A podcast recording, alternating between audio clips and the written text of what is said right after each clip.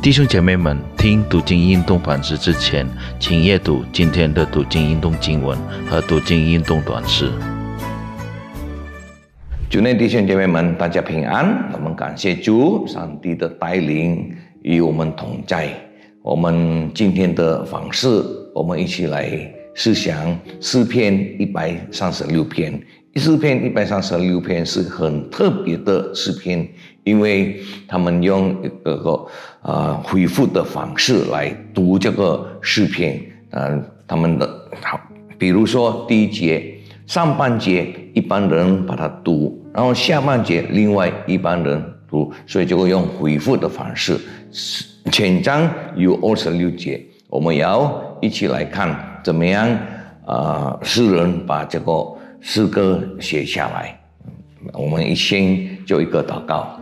结束，我们感谢佳美妮，因为今天我们有机会来思想你的话语，我们要呃学习怎么样来纪念你的大能在我们的生活上，你带领我们，使我们可以真正的透过我们的生活，我们可以呃。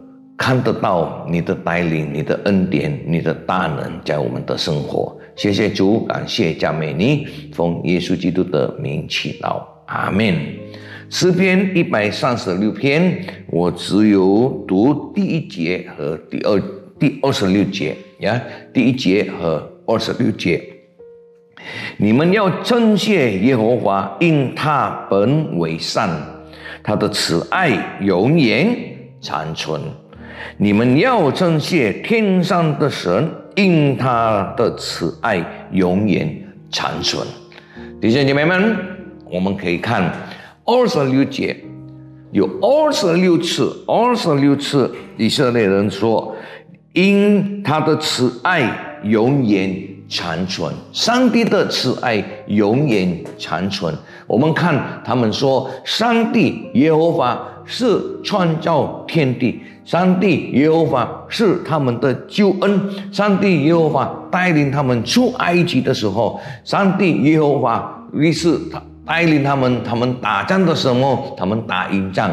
主耶稣与我们同在到我们今天的生活，我们应该要回复看我们的生活。我们在我们相信耶稣基督的时候。我们大概，呃，我们也会说，哇，我们的开始的生活，我们信耶稣基督的时候，我们开始成为一个上帝的儿女，我们也会说，这个时间是我们要感谢上帝的带领，我们他的慈爱与我们同在，所以我们可以说，因他的慈爱永远长存。弟兄姐妹们，我们在我们的生活上，我们怎么样可以不断的感谢上帝，不断的爱主在我们的生活？最重要的，那我们可以回复看我们的生活，什么时候上帝成就我们？什么时候你信耶稣基督？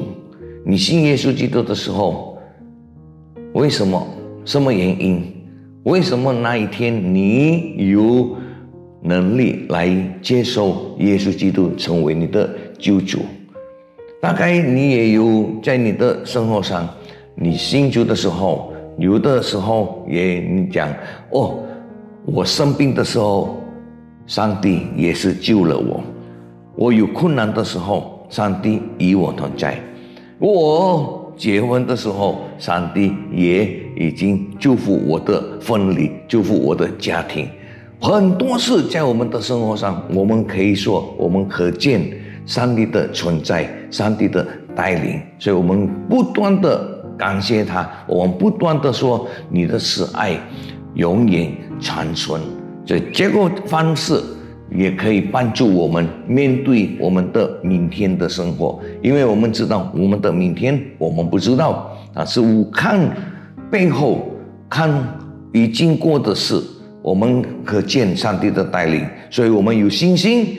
同样的，上帝不改变的上帝，也是会跟我们在我们的前途，在我们的未来与我们同在。